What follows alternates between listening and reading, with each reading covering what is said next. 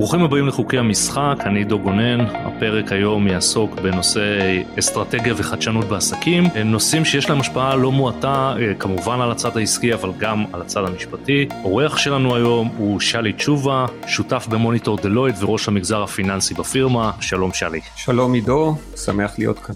שמח אה, מאוד שאתה כאן. שלי עוסק אה, שנים רבות בתחום אה, האסטרטגיה והדבר הראשון שרציתי לשאול אותך שלי זה בעצם מה זאת אסטרטגיה? מדברים על זה זה מין buzzword שכולנו מבינים שיש מאחוריו הרבה אבל מה זה בדיוק? קודם כל כולם רוצים להיות אסטרטגיים. אחד הדברים המעניינים היא ש... ש...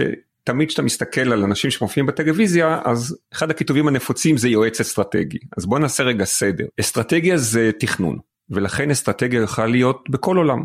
יכול להיות אסטרטגיה שיווקית, עוסקים בתכנון השיווקי ואסטרטגיה של משאבי אנוש ואסטרטגיה טכנולוגית. כשאנחנו מתייחסים לאסטרטגיה במקצוע שאני עוסק בו אנחנו מתכוונים לאסטרטגיה תאגידית, לכיוונים שהארגון צריך ללכת והתהליך של התכנון האסטרטגי הוא תהליך שעוסק באיך לכוון את הארגון בדרך כלל לאופק טווח בינוני של 3, 4, 5 שנים. איך, איך עושים תהליך כזה? זאת אומרת איך, איך בעצם זה מתחיל ומה הדרך הנכונה לעשות את זה כי הרבה עושים את זה ולא בהכרח בדרך הנכונה. אז בוא נעשה קצת סדר. קודם כל לכל חברה יש אסטרטגיה בין אם היא כתובה ובין היא תורה שבעל פה. ולמען האמת הרבה מאוד מנהלים בישראל לא נוקטים בגישה של אסטרטגיה סדורה אלא מתגלגלים על בסיס תוכניות עבודה וכיוונים שנעשים במסגרת שיחות יותר רשמיות ופחות רשמיות להיות לאן שהם רוצים אה, להגיע. אנחנו עוסקים בתהליך של התכנון הסדור וכשאנחנו מדברים על תכנון סדור אנחנו מתאר, מתארים תהליך או מדברים על תהליך של בין שלושה לחמישה שישה חודשים שבמסגרתו ההנהלה, הנהלה הבכירה ביחד עם הדירקטוריון אפשר לפתוח סוגריים לשאלה של מי מכווין בארגון את האסטרטגיה יותר הדירקטוריון או יותר ההנהלה ואפשר לדבר על זה יותר מאוחר נכנסים למסע שבסיכומו הם רוצים להוציא תוכנית uh, סדורה. והתפקיד שלנו בתהליך הזה הוא שניים, הוא גם לייצר את הפסיליטציה הפנימית כדי שבסוף האירוע לחברה ולארגון יהיה אסטרטגיה, לא דוח שהיועצים הביאו. אלא תוכנית שהחברה מאמינה בה, שהחברה שלמה איתה והחברה יכולה אה, לפעול על פיה. והתפקיד השני שלנו הוא להעשיר את התהליך הזה בתכנים. בעולם המודרני המאוד מאוד סוער ותזזיתי, כדי לתכנן צריך להעמיד מצע נתונים שיאפשר לחברה לקבל החלטה. אנחנו מדברים על מחקרי שוק וניתוחי תחרות ובנצ'מרקים וכל המילים היפות שנכנסות לתוך האירוע הזה. כלומר, אם אני מנכ"ל שבא אליך למשל כדי להכין אסטרטגיה לחברה, האם אני צריך לבוא כשאני כבר יודע מה אני רוצה, או שאני בכלל רוצה תהליך והתהליך יגלה לי מה אני, או, לאן אני רוצה להגיע. שאלה נהדרת ואנחנו עוסקים בשאלה הזאת תמיד נקרא לזה בשבוע הראשון של התהליך או לפעמים אפילו בשלב הצעת המחיר ואנחנו קוראים לו מהם הגבולות גזרה. זה לא רק בא מהמנכ"ל זה הרבה פעמים מגיע מהדירקטוריון או, או מבעלים אם, אם החברה היא חברה של בעל שליטה. ניתן דוגמה חבר'ה אני רוצה אסטרטגיה אבל אני לא רוצה לצאת מגבולות המדינה. אני רוצה להישאר מקומי או הפוך אני יכול להסתכל על זה בכיוון אחר לגמרי אני לא מוכן להזרים כסף אני מוכן להשקיע את הפירות של הרווחים השנתיים בתהליך אבל אני לא מוכן למצוא מהלכים שיגרמו לי להשקיע כסף. זאת אומרת גבולות הגזרה של התהליך הן קריטיות להתחלה כי זה מה שמכוון אותנו איפה לחפש. ואחד התסכולים הגדולים זה תהליך שאומרים לך הכל פתוח וכשאתה מגיע אחרי שלושה חודשים אין באמת 80 אחוז מהדברים באמת לא אמיתיים ולכן השיער הלבן מאזינים לא רואים ואתה רואה הם uh, נובע מהעובדה של הרבה מאוד שגיאות טקטיות כאלה בתוך התהליך שגורמים לתסכול ו- וחשוב מאוד שהתהליך האסטרטגי יהיה מנוהל והדוק כדי להגיע בסוף לתוצאה שהיא אה, עובדת, היא ברת יישום. כלומר אם באה אליך חברה בשביל להגיע לאסטרטגיה מסוימת אני מניח שהחברה היא זאת שאמורה להיות מומחית בתחום שלה ואתה מומחה בתחום התהליכים איך עושים את הדבר הזה. אז זה גם וגם כי הרבה מאוד ברור שהחברה מומחית בתחומה. על זה אין שאלה ותמיד אני אומר לצוות שלנו לא, מנו, לא באנו במטרה להוכיח לאקזקיוטיבס שאנחנו יודעים יותר. אבל וזה אבל מאוד גדול יש שני רבדים שאנחנו יודעים להוסיף בהם תוכן צריך לזכור שבדלויט שהיא פירמה עם מחזור שמתקרב ל-60 מיליארד דולר ו-350 אלף עובדים, יש כמות ידע עצומה שחברה ישראלית מקומית, גם אם היא מומחית בתחומה, לא חשופה אליו. ולכן אנחנו יודעים ועושים הרבה כדי להביא רובדים של מידע של החברה הישראלית אין. ושתיים, זה הרבה מאוד מהתהליכים נכנסים לחשיבה של צמיחה מחוץ לליבה.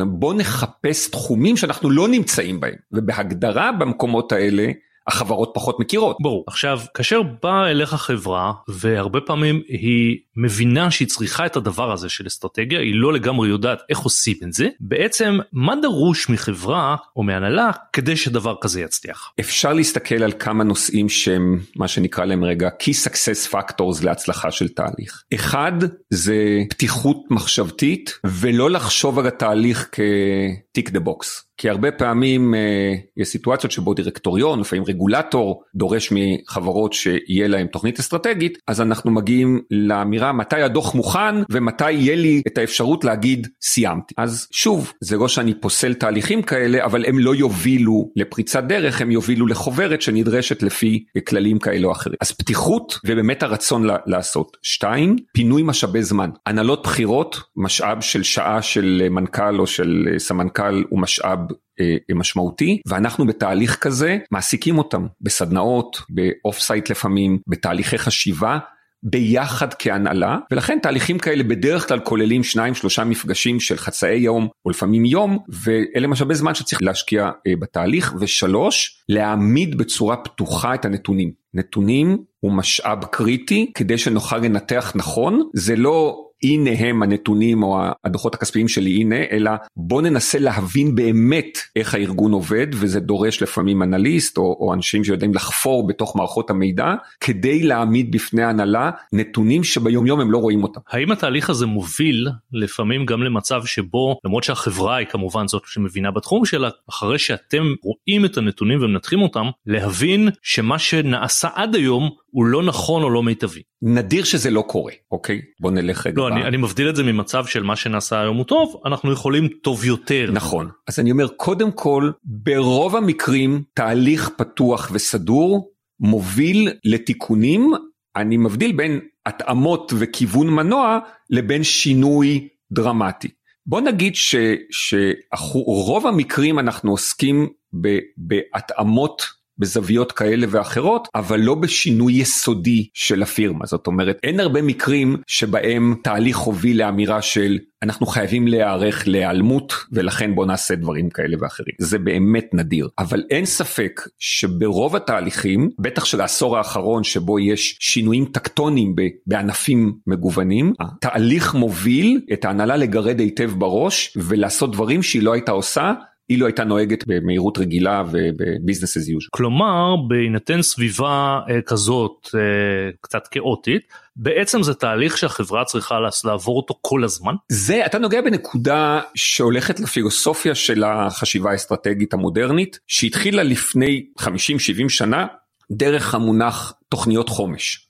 דרך אגב הסינים התחילו עם זה ואחרי זה המפעלים הגדולים התחילו עם זה המשיכו עם זה וזה בא ואמר אני צריך להסתכל בקבועי זמן של חמש שנים. השינויים והדינמיקה של התזזיתיות העסקית הובילה למשל בשנים האחרונות לחשיבה יותר תלת שנתית. כי באמת חמש שנים קדימה מי יכול לחזות. היום אנחנו רואים בארגונים המודרניים תהליך חשיבה אסטרטגי מובנה קבוע. כל שנה במאי-יוני כמו שנכנסים בספטמבר לתוכניות עבודה, נכנסים במאי-יוני לרענון הסוגיות האסטרטגיות, אתה לא בונה את האסטרטגיה מחדש, אבל מי שמנהל את התהליך האסטרטגי הסדור בחברה, סמנכ"ל או מנהל האסטרטגיה, יודע מהם עשרת הנושאים שעומדים על סדר היום, ומרענן את החשיבה לקראת שנה הבאה. זאת אומרת, אנחנו עוסקים פתאום לא בתהליך אחד לחמש שנים, אלא בתהליך כמעט מתמשך, שנתי, שעוסק בלזקק ולטייב כל הזמן את האסטרטגיה. אבל פה יש שאלה אחרת מעניינת. להבדיל מפעם ראשונה שחברה עושה את זה שהיא באמת נכנסת לתהליך כזה והיא כמעט בהגדרה צריכה להיות פתוחה לקבל שאולי יש דברים שאפשר לעשות אחרת יותר טוב. אולי באמת באה בגישה כזאת כי היא הולכת לתהליך הזה. האם חברה שבאמת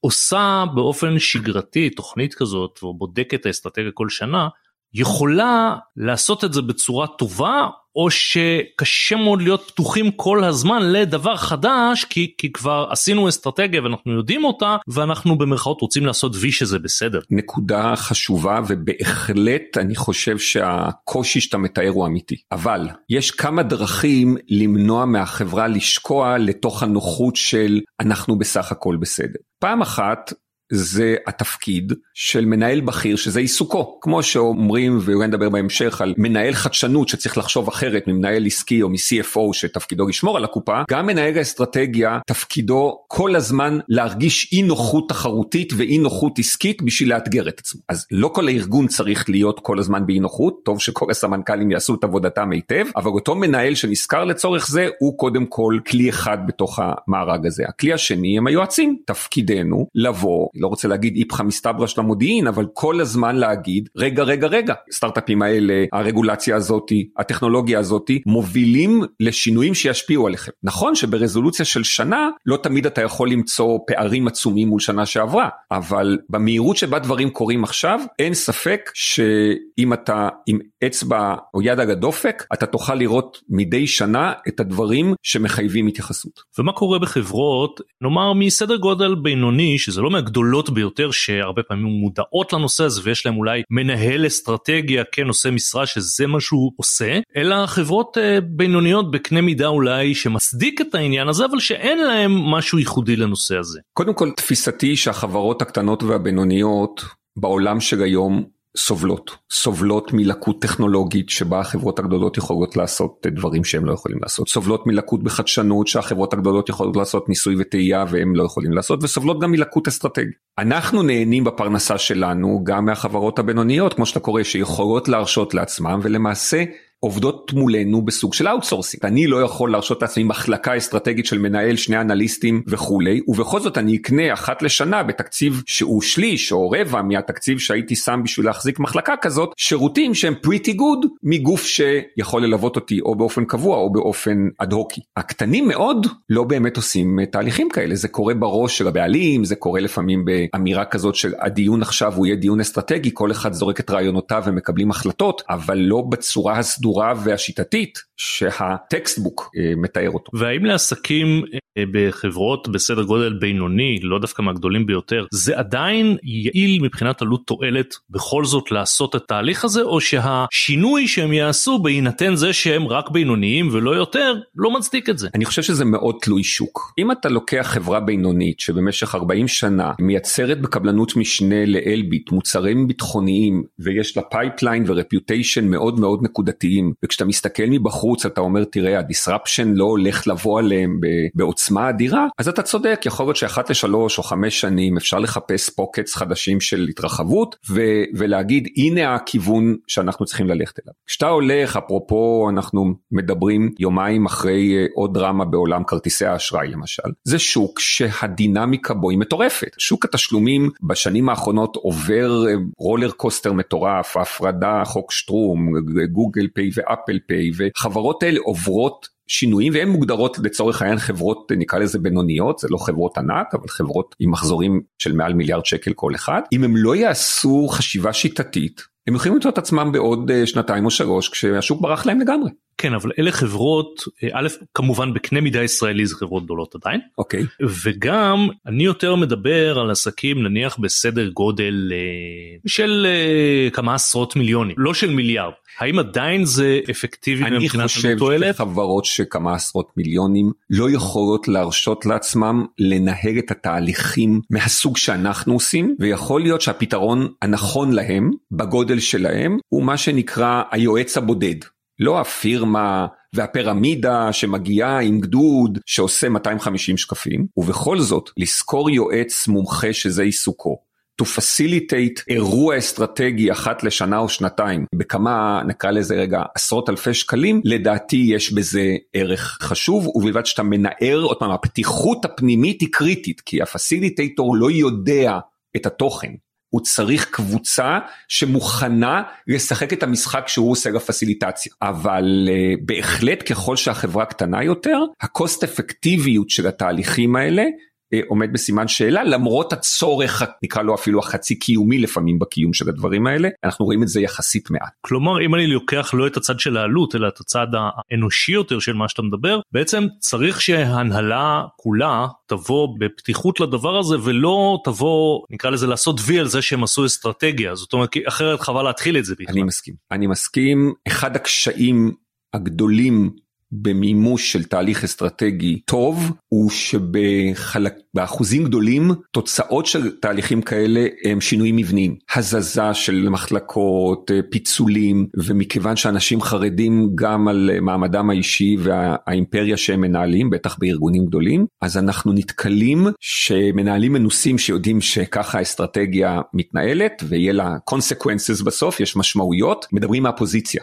וניהול של תהליך כזה הוא מאוד מאוד קשה. כי פתאום אתה מבין בתשובה בשליש הראשון של התהליך שזה בכלל מתכוונן ללמה אני נחוץ ולמה החטיבה שלי רלוונטית וגם אצלי אסור לפטר או כל מיני אה, דברים מהסוג הזה. איך אתה מתגבר על דברים כאלה שהם כמו שאמרת אנושיים והגיוניים וכמה שלא נבקש פתיחות מהנהלה בסוף כל אחד קרוב אצל עצמו וזה מאוד טבעי. נכון וא' זה כולל נקרא לזה סמכות הפסיגיטייטור זאת אומרת אני מרגיש את עצמי היום עם 25 שנות ניסיון מתנהל אחרת מאשר התנהלתי לפני 10 שנים או 15 שנה. מכיוון שהיכולת שלך להשפיע דרך ההיסטוריה שלך והניסיון שלך יותר גדולה אה, צריך לסחוף את המנכ"ל ואת האנשים שלו לתוך הדיון הזה של חבר'ה אחרת זה סתם בזבוז כסף. שתיים אני תמיד מתאר שכשאומר לי סמנכ"ל אבל אתה לא מבין כנראה נגעתי בנקודה חשובה זאת אומרת אתה לומד אה, לזהות את המוקשים האלה כמקום שאתה צריך ללכת ולדקור אותם יותר ויותר מה שקריטי זה שלקחת את המנכ"ל איתך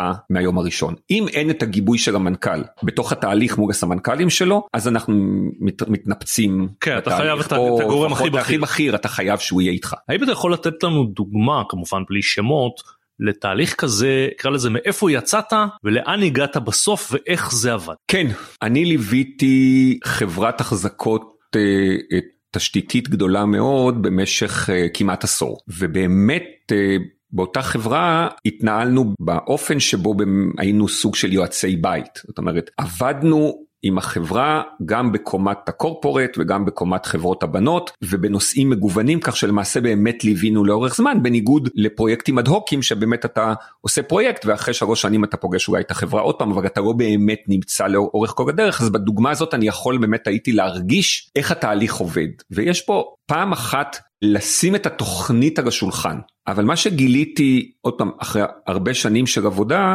שהקתרזיס שלנו כיועצים שהחוברת או הספר שמוגש לדירקטוריון יצא מפואר וכרוך ועבר אישור board, מבחינת היועץ האסטרטגי הסתיים ה engagement, מבחינת החברה הוא רק התחיל. והתהליך היפה שהיה שם הוא באמת היכולת לראות את תהליך ההפנמה את התהליך שמשנה את הארגון כתוצאה מזה, זאת אומרת לוקח סמנכ"לים, בונה יחידות כתוצאה מהתוכנית ש, שהוגדרה. היציאה למשל לחיפוש של מהלכי M&A לסגירת פערים נולדה מתוך ההסתכלות האסטרטגית, אני מחפש סוג כזה של חברות, ואז ב retrospect, אחרי שבע או שמונה שנים, ולא אחרי חצי שנה, אתה אומר אוי, היה פה ניהול אסטרטגי, זאת אומרת מישהו הכין אסטרטגיה, נעזוב את היועץ בצד, היועץ לא רלוונטי, זה המנכ"ל שלא רק אישר אלא הפנים ולכן עבד בלממש. ואחד הדברים היפים שתמיד אומרים על אסטרטגיה זה לא רק מה לעשות, מה לא גם לעשות. מה לא לעשות. ולכן כל מיני יוזמות שהיו עולות הוא היה אומר תראו לי איפה זה כתוב או למה אני צריך לפתוח את האסטרטגיה בשביל זה? וזה היה היו משקפיים מאוד מאוד חדות. ואני חושב שבישראל אנחנו לוקים בניהול אסטרטגי. אחוז יחסית קטן בהשוואה לחברות בעולם מנהל דרך האסטרטגיה. אלא עושים אסטרטגיה ומשאירים הרבה זמן ומשאבים לאופורטוניזם. כאן אני גם אשאל משהו אחר, נאמר שחברה עושה תהליך של אה, אסטרטגיה, מתי הזמן הנכון לידע את מי? כי הרי בסוף, כאשר הגענו נאמר לנקודה הסופית, אם uh, ההנהלה או דרגי הביניים ואפילו העובדים לא יודעים מה האסטרטגיה, הם גם לא יכולים לממש אותה. מצד שני, יכול להיות שחלק מהתהליך הם עדיין לא צריכים אולי לדעת, אז איך, איך זה עובד נכון? אז אני קודם כל חושב שזאת שאלה קריטית ואין נכון. יש מתאים לחברה. וזה קודם כל הולך לשאלה הראשונה שנגעתי בה בשנייה מקודם, זה האם האסטרטגיה מובלת על ידי הדירקטוריון או על ידי ההנהלה. ואלה שני path או, או דרכים או journeys אה, שונים במהותם. גישת ההנהלה אומרת ההנהלה מובילה את התהליך ומביאה תוכנית אסטרטגית לאישור הדירקטוריון. בעוד שתפיסה שהדירקטוריון מוביל, למעשה כל עולם הסדנאות, המפגשים, החשיבה שתיארתי מקודם שצורך זמן, קורה גם ברמת הדירקטוריון. מתחילים במפגש הזנקה עם הדירקטוריון, עושים מפגש brainstorming וחשיבה על דברים עם הדירקטוריון, והדירקטוריון הוא פעיל בבנייה ולא רק באישור. אז קודם כל, אלה שתי וריאציות שונות שאנחנו מאוד uh, מנסים בהתחלה להבין איך הארגון רוצה לעבוד כדי לא לטעות, אוקיי? כי זה פשוט יכול להיות פאול טכני של פוליטיקה ארגונית. once התקבלה ההחלטה, צריך לייצר שניים או שלושה רבדים של תקשור פנים ארגוני. יש מה שבארגונים הגדולים הישראלים בדרך כלל קוראים פורום 100. מה זה פורום 100?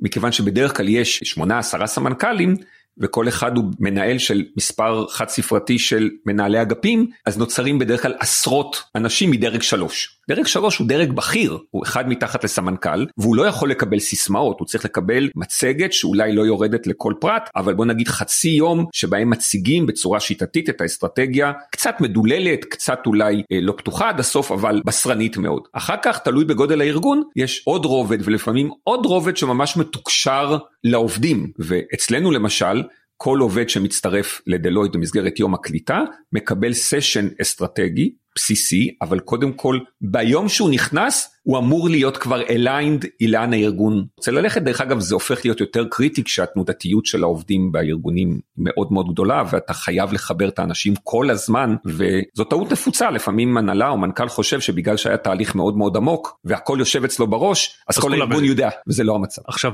בהבדלים האלה בין אה, אסטרטגיה שיוזם דירקטוריון לאסטרטגיה שיוזמת הנהלה. אני אקח את המקרה שההנהלה היא זאת שיוזמת ואני מניח שגם מטבע הדברים היא יותר פתוחה. אגב המילה יוזמת היא לאו דווקא מדויקת יכול להיות שצריך לעשות אסטרטגיה נניח הרגולטור אמר. מובילה. אין פה מובילה. יוזמה, המילה מובילה, מובילה. כי יכול להיות זה לא דווקא יוזמה כן, שמגיעה כן, מלמטה. אבל אני רוצה השאלה היא טיפה שונה ההנהלה מובילה את היוזמה הזאת ונעשה תהליך שהוא עתיר משאבים וזמן ובסופו של דבר מובאת תוכנית אסטרטגית לדירקטוריון. האם דירקטוריון ואני כמובן לא מתייחס לחברה ספציפית האם יש לו כלים לבוא ולא לאשר או לומר הערות נקרא להם באמת יעילות כאשר הוא לא שותף לכל התהליך הזה וזה הרי נבנה מאיזשהו מסד נתונים דרך המון המון המון ראיונות וחשיבות ודברים והדירקטוריון מקבל ממש את השורה התחתונה. קשה. מנכ"לים שעושים את זה מול דירקטוריון בדרך כלל הם מנכ"לים מאוד או הנהלות מאוד מאוד חזקות אני אפילו אולי אפתח סוגריים ולא עשיתי ניתוח סטטיסטי מהודק של זה של חברות ללא גרעין שליטה. זאת אומרת שבהם אנחנו מבינים שההנהלה יש לה עוצמה יחסית גדולה מול הדירקטוריון. מצד שני ברור לחלוטין שבחברה שיש בה בעל שליטה או שבעל השליטה מעורב מאוד בתוך התהליך עם ההנהלה, שרמן מעורב בתוך התהליך עם ההנהלה והדירקטוריון מקבל אבל הוא מקבל בסוף משהו שהצ'רמן היה חלק מאוד פעיל ממנו. ברוב המקרים הדירקטוריון רוצה דיווחים גם אם ההנהגה מנהלת את התהליך. וזה אני תמיד ממליץ את הווריאציה הזאתי כדי שלא נקבל על הראש בסוף. בסוף. עם אמירה שאומרת אפילו לעומתית כזאת בגלל שלא ראיתי ואין לי את כל החלופות מול העיניים אז אני אעשה לכם אמרר לכם את החיים בתהליך האישור אז לכן לפחות פגישה אחת אמצעית לפני הפגישה הסופית עם הדירקטוריון כדי לשמוע מסקנות ביניים רעיונות היא לדעתי קריטית גם אם ההנהלה היא זאת שמובילה את התהליך. אני רוצה לעבור מכאן לנושא אחר שגם לנו כ-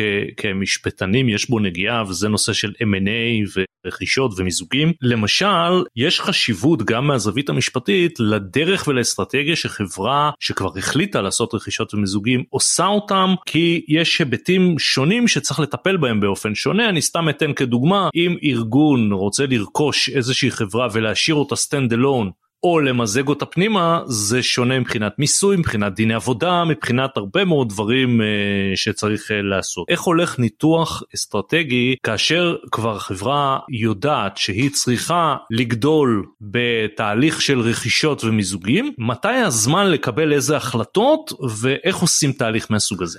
כן, הנושא של M&A הוא מאוד מאוד uh, משמעותי בתוך הדיונים האסטרטגיים, בגלל קושי שאנחנו רואים בחברות מסורתיות לצמוח אורגנית. זאת אומרת, אנחנו רואים שחברות גדולות ומסורבלות עם DNA מסוים מנסות לעשות כל מיני מאמצים ונתקעות בגלל הקושי בלייצר חדשנות פנימית ולכן בוא נקנה קובייה כזאת היא דרך מאוד טובה להתגבר על הפער הזה. אז כמו בצבא אפשר לחלק את השאלה או את התשובה לשאלה שלך לשלושה חלקים על ציר הזמן. יש לנו את החלק טרום במהלך העסקה ופוסט העסקה. במקום שבו התוכנית האסטרטגית הכללית ייצרה מין מצפן או כיוון שמחייב M&A, אנחנו ממליצים לייצר תהליך המשך שנקרא לו לרגע אסטרטגיית M&A. זאת אומרת, כמו שאמרנו שאסטרטגיה היא תכנון ויש תכנון לכל אחד מהיחידות או החטיבות, אז יש גם תכנון ל-M&A עצמו. למה צריך לתכנן? מכיוון שכשאתה בא מהצד ויש על זה ספרות מעניינת, כשאתה בא מהצד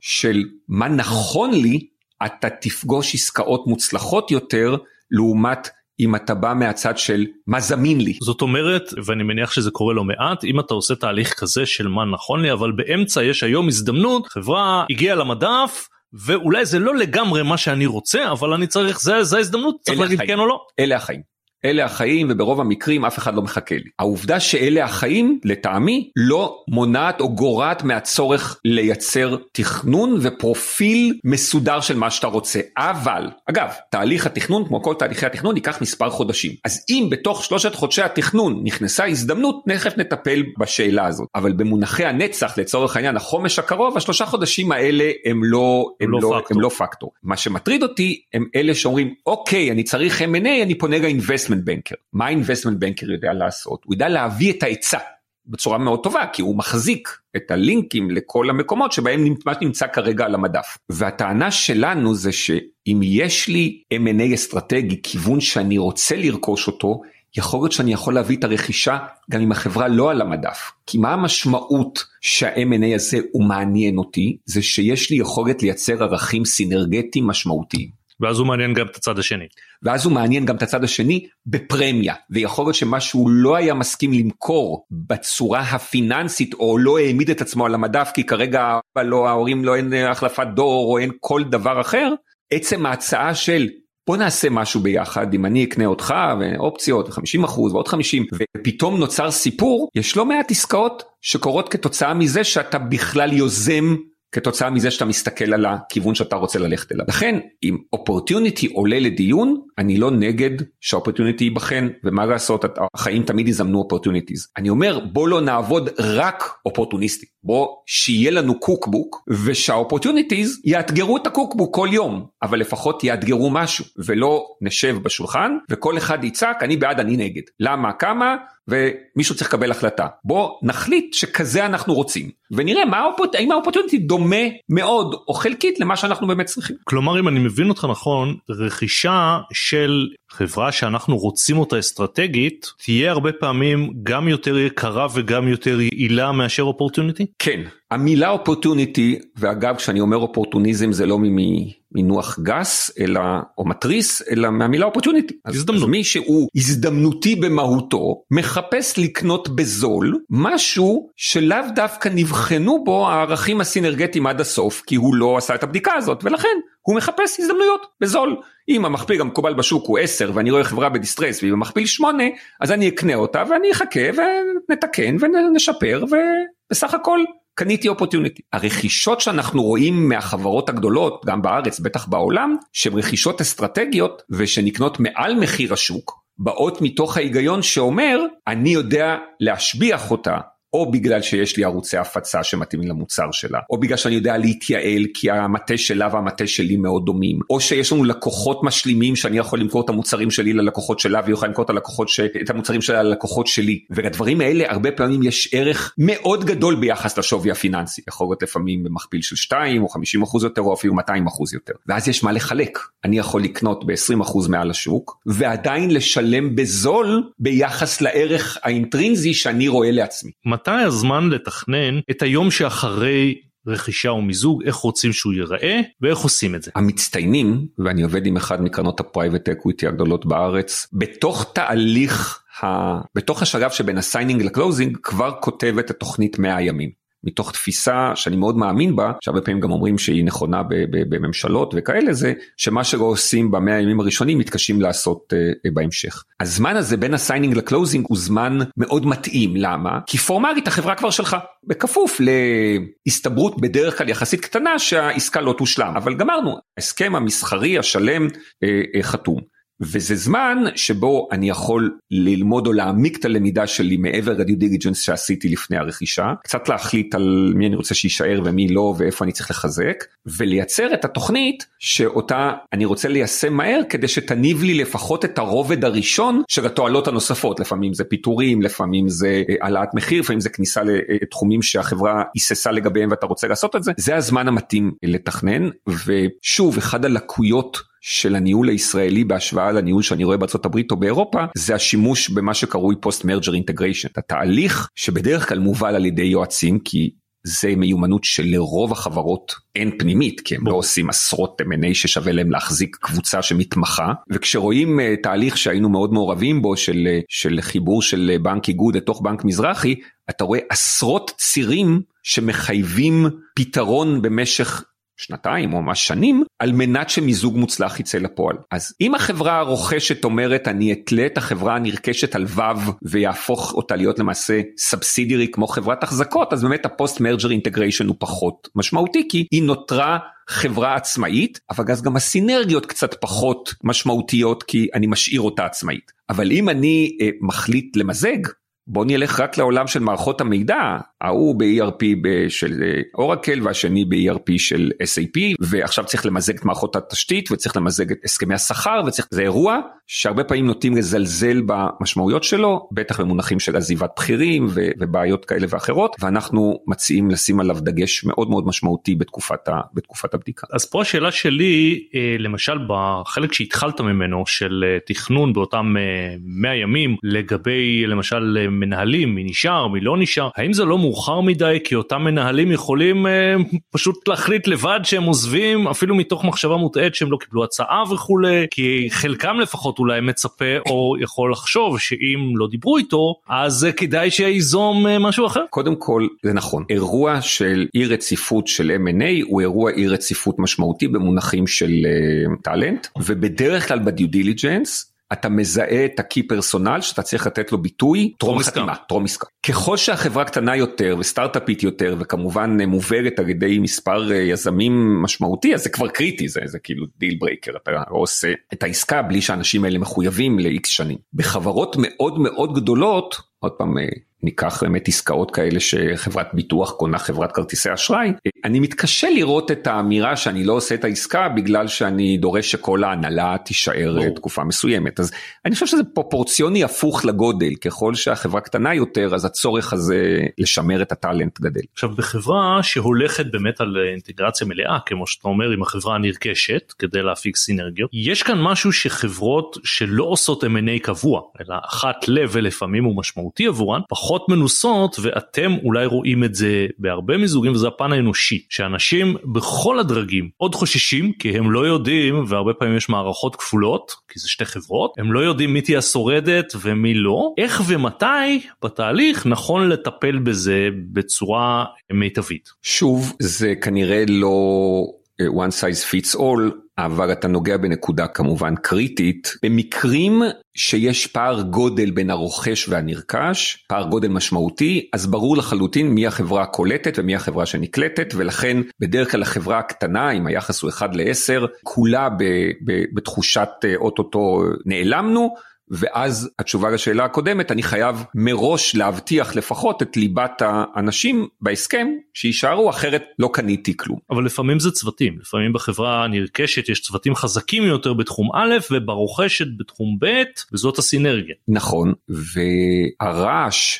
של תקופת מיזוג מהיום שזה עלה לפני השטח כי לפעמים יש חודשים שלמים שזה מנוהל על ידי שותפי סוד בלבד. ועד שפותרים את כל הסעיפים האלה שאתה מתאר אותם גם ברמת צוותים וברמת טכנולוגיה וכולי שזה יכול לקחת מחודשים רבים ועד שנתיים אלה תקופות מאוד אה, לא נוחות בחברות. ושוב כשאתה הולך לחברות הענקיות שקונות בכמויות אז זה פחות נורא. זאת אומרת האמדוקסים והטבעים בתקופה שהם היו קונים באמת הרבה או גוגל וכאלה אז קנייה לא פרופורציונית. זאת אומרת הענק קונה הנפט הקטן ואנשי טבע לא מוטרדים ברמה עקרונית מזה שנרכשה חברה של תרופה כזאת או אחרת. אבל כשאתה עוסק בין מה שנקרא במיזוג בין יחסית שווים שהיחס של הגדלים הוא 1 ל-2, 1 ל-3, בהחלט יכול להיות שהיחידה הטכנולוגית בחברה אחת היא הרבה יותר חזקה בחברה החדשה מהחברה הרוכשת ויש חשש והמסדרונות לוהטים ולכן יש אינטרס מאוד ברור להגדיר ולסיים את התהליכים האלה כמה שיותר מהר. בוא נעבור לנושא אה, טיפה שונה של חדשנות. שגם זה אה, לפעמים buzzword ולפעמים אה, משהו אמיתי. ההנהלות הרבה פעמים רוצות חדשנות ותומכות בזה לפעמים רק איזושהי אמירה ולפעמים בצורה אמיתית. אני חושב שכדי להגיע לחדשנות אמיתית הנהלות הרי צריכות גם להיות מוכנות לשלם מחירים מסוימים. איך תהליך כזה נכון שיעבוד או מה נדרש כדי שהוא יוכל באמת לעבוד. קודם כל אני ממש מסכים איתך שאנחנו נמצאים על רצף של הנהלות ומנהלים שנעים על קצה אחד של סיסמה שאני צריך לקיים אותה, אפשר להכניס לסיסמה הזאת מעבר לחדשנות למשל את כל עולם ה-ESG והקיימות וכולי, יש כמה וכמה עולמות שנעים על רצפים כאלה בין אני חייב משהו כדי להגיד שאני עושה, לבין זה באמת באמת חשוב לעסק שלי ואני צריך להתנהל פה כאילו חיי תלויים בזה. אז בוא נגיד שבחברות המסורתיות, לא הסטארט-אפים או החברות הטכנולוגיות, אנחנו לא נמצאים בקצה השני של הרצף, זאת אומרת אף חברה מסורתית לא חרתה על דגלה חדשנות כדבר שהוא קריטי לקיום שלה. בניגוד לחברות טכנולוגיות, שזה האסנס שלהם, זאת אומרת חברה טכנולוגית שלא תתקדם בשיא המהירות, סביר להניח תצא מהמשחק בנקודה כזאת או אחרת, אז בוא נדבר דווקא על החברות המסורתיות, כן, כי שם כי... באמת. הדילמה הזאת קיימת. אני מאמין שאנחנו נמצאים היום באמצעיתו של עידן שהטכנולוגיה משתלטת על הכל. איך אנחנו רואים את זה? מזה שהמילה tech הצטרפה לכל ענף ויצרה ecosystem שתוקף אותו. אז פעם היה חברות טכנולוגיה במובן של הם עשו אה, ראוטרים וסיסקואים וציוד תקשורת, ואז זה התפתח לפודטק ופינטק ו govtech וכל ענף מחובר לו tech. זאת אומרת, השחקנים המסורתיים כבר מבינים היום שעומדת לפתחם התקפה שמגיעה מזירות טכנולוגיות שיודעות לשבש להם את החיים המסורתיים שלהם. כדי לא להישמע תלוש בתחילת 2023 כשכל השוק הטכנולוגי קרס, אז בוא נגיד שבלא כל הענפים זה קורה באותה מהירות, ולא כל סטארט-אפ מחליף מיד בנק, אה, לא כל פינטק מחליף מיד בנק, ועדיין כשמסתכלים על העשר שנים האחרונות והשווים שנוצרו באקו סיסטם מסורתיים שלא היה בהם, אה, אז אפשר לראות את השווי של טסלה גם אחרי שהיא ירדה ב-70 אחוז, שהוא גדול יותר מכל חברות הרכב, אפשר לראות את השווים של כמה וכמה חברות פינטק גלובליות וחלקן ישראליות ש, שגדולות כמו בנקים. זאת אומרת, נכון שהמשבר יצר אולי קצת חזרה לאחור, אבל כמנכ"ל של חברה מסורתית הייתי מוטרד. ועכשיו אני שואל את עצמי, איך אני מתמודד עם ה disruption הזה שמגיע לפתחי? והדרך המרכזית לעשות את זה היא לנסות לייצר חדשנות פנימית שמשמעותה בוא ננסה לראות איך אונה אחת אצלי במכונה חושבת כמו קרן הון סיכון, חושבת כמו ecosystem טכנולוגי. וזה נורא נורא נורא קשה. כי ההנהלות הרגילות לכל יזמות חדשה שואלות את השאלה האלמותית, תראה לי את ה-ROI, ואיפה האקסל שתומך את זה. ו... והוא עוד לא יכול להיות שם בהגדרה. הוא עוד לא יכול להיות שם בהגדרה מכמה סיבות. פעם אחת, אתה לא מחפש ביוזמות החדשניות את הדבר שמשפר בחמישה אחוז את הפעילות שלך. זה עושים בשוטף. אתה מחפש ביזמות את מה שאנחנו הרבה פעמים קוראים ה-10x, משהו שיודע להביא פי 10 על ההשקעה, לא 10% על ההשקעה. ולהביא משהו שמביא פי 10 על ההשקעה זה ההברקה של קרן הון סיכון, האחד שעשה את התשואה של הקרן, אבל הקרן השקיעה ב-10 או 15 חברות כדי שאחד או שתיים יעשו 10x ואחד או שניים אולי ישרדו ו- וכל היתר ייכשלו. אם המנכ"ל דורש ממנהל החדשנות שלו להביא לו את ההברקה בוואן שוט, הוא מבקש בקשה שאי אפשר להיענות לה. ולכן אם החברה לא תחשוב על חדשנות כפרוטפוליו של מהלכים, כמו שקרן חושבת על ההצלחה שלה בפרוטפוליו, לא מנהל הקרן או מנהל ההשקעות לא מודח אם שמונה חברות מהפרוטפוליו נסגרו. הוא יקבל פרס אם שמונה נסגרו, אבל השתיים שהצליחו יצרו תשואה כוללת טובה על כל האגרגט של ההשקעה. ככה צריכה להיחשב החדשנות הפנים ארגונית ורוב הקורפורטס המסורתיים לא נמצאים שם. בוא רגע נלך לקורפורטס ש... לפחות באופן אידיאלי כן יהיו שם ואנחנו רוצים לעשות תהליך כזה בעצם אנחנו צריכים אם, אם אני אגיד את זה במונחים אה, ציוריים לקחת את ה... מנהל חדשנות או איש החדשן או אותו גורם בתוך הארגון ולהגיד לו בעצם במרכאות תתפרע כי כי אני לא יודע מה יצליח ומה לא אבל לשים לו גבולות בסכום השקעה ובזמן זאת אומרת אחרת תאורטית אולי הוא יגמור לנו את כל משאבי הארגון ולא יצא כלום איך מנהלים נכון תהליך, תהליך כזה. כשאמרתי שהארגון צריך להקים חשיבה VCית בפנימית אז זה בדיוק המודל שאתה צריך לאמץ בפנים. מה עושה VC? אומר נשקיע מיליון דולר בעשר חברות זה למעשה הסיד. נראה אם זה מתפתח היטב, נקטום במהירות את מה שלא מצליח, ניתן עוד חמישה מיליון דולר, לא משנה אם זה אותו VC או VC חדש, וככה האבולוציה קורית. ולא כל הפורטפוליו קיבל 50 מיליון דולר השקעה, אלא רק המצליחים שמבין המהלכים או החברות. וגם כך צריכה להיות החשיבה הארגונית של הקורפורט. נצא לדרך, נעשה feasibility study, נעשה mock-up, נעשה proof of concept, תופס נמשיך, לא תופס נקטום, ונקטום מהר. המונח השגור בחדשנות זה fail fast. בוא נטעה מהר כדי שכן נוכל לזרוע 15 זרעים, אבל לא נשקיע בכל אחד מהזרעים האלה את כל המשאבים שנדרש, אלא אם אנחנו רואים שהוא לא מונבט היטב, נסגור אותו ונתקדם רק עם הדברים שמונבטים. וככה בחשיבה הזאת אתה יכול לייצר סימולציה אפקטיבית לעולם ההון סיכון. וכאשר אתה מסתכל על ניהול של חברה שנאמר אה, רוצה ללכת בכיוון של, של חדשנות, האם זה מחויב שיהיה לה נושא משרה שנקרא מנהל חדשנות או מספיק שהיא תיתן ליוזמות שונות מספיק מעוף ומשאבים לעוף קדימה גם אם כמו שאתה אומר יקטמו אותם או במילים אחרות יכול להיות שאותו חדשן יזם וכולי לא נכון יהיה להגיד לו כל כך מהר נכשלת קבל עונש כי אף אחד לא יוצא לעשות את זה. תפיסתנו אומרת שככל שאתה רוצה להכניס משהו חדש לארגון אתה צריך איש שדדיקייטד לזה שה-KPIs שלו בנויים על זה ושזה עולמו. וככל שהארגון הפך והפנים את זה יכול להיות אחרי עשור או שני עשורים, אז יכול להיות שכבר לא צריך את הפושר הזה. בארגונים שנולדו כארגוני דאטה, אין Chief Data Officer. ובארגונים שנולדו כארגונים דיגיטליים אין Chief Digital Officer. כי הארגון כולו הוא ארגון דיגיטלי או ארגון דתאי. אבל יש Chief Data Officer ו-Chief Digital Officer בארגונים המסורתיים שצריכים לעבור תהליך חינוך סיזיפי של מה זה דאטה ומה זה דיגיטל על ידי מישהו שזה עיסוקו וקם בבוקר כל יום. אותו דבר בחדשנות. אין מנהל חדשנות בסטארט-אפ. זה ה-DNA של הארגון מהיום הראשון שלו, ולכן הוא לא צריך את הטרנספורמציה לשם. הארגון המסורתי שחי מלא לעשות כלום, אסור לטעות, ROI, תביא אקסל, חייב שיהיה מישהו שחושב בצורה אחרת ומקבל גיבוי מנכ"ל לזה, אחרת הדברים ייבלעו וייעלמו בתוך החטיבות הרגילות. ואותו מנהל חדשנות. מה התנאים שהוא באמת צריך כדי להצליח כאשר מצד שני הוא כמובן לא יכול לקבל הכל. התקציבים הכספיים לחדשנות הם לא עצומים. מה שחשוב זה נכונות של היחידות העסקיות לשחק איתו במשחק.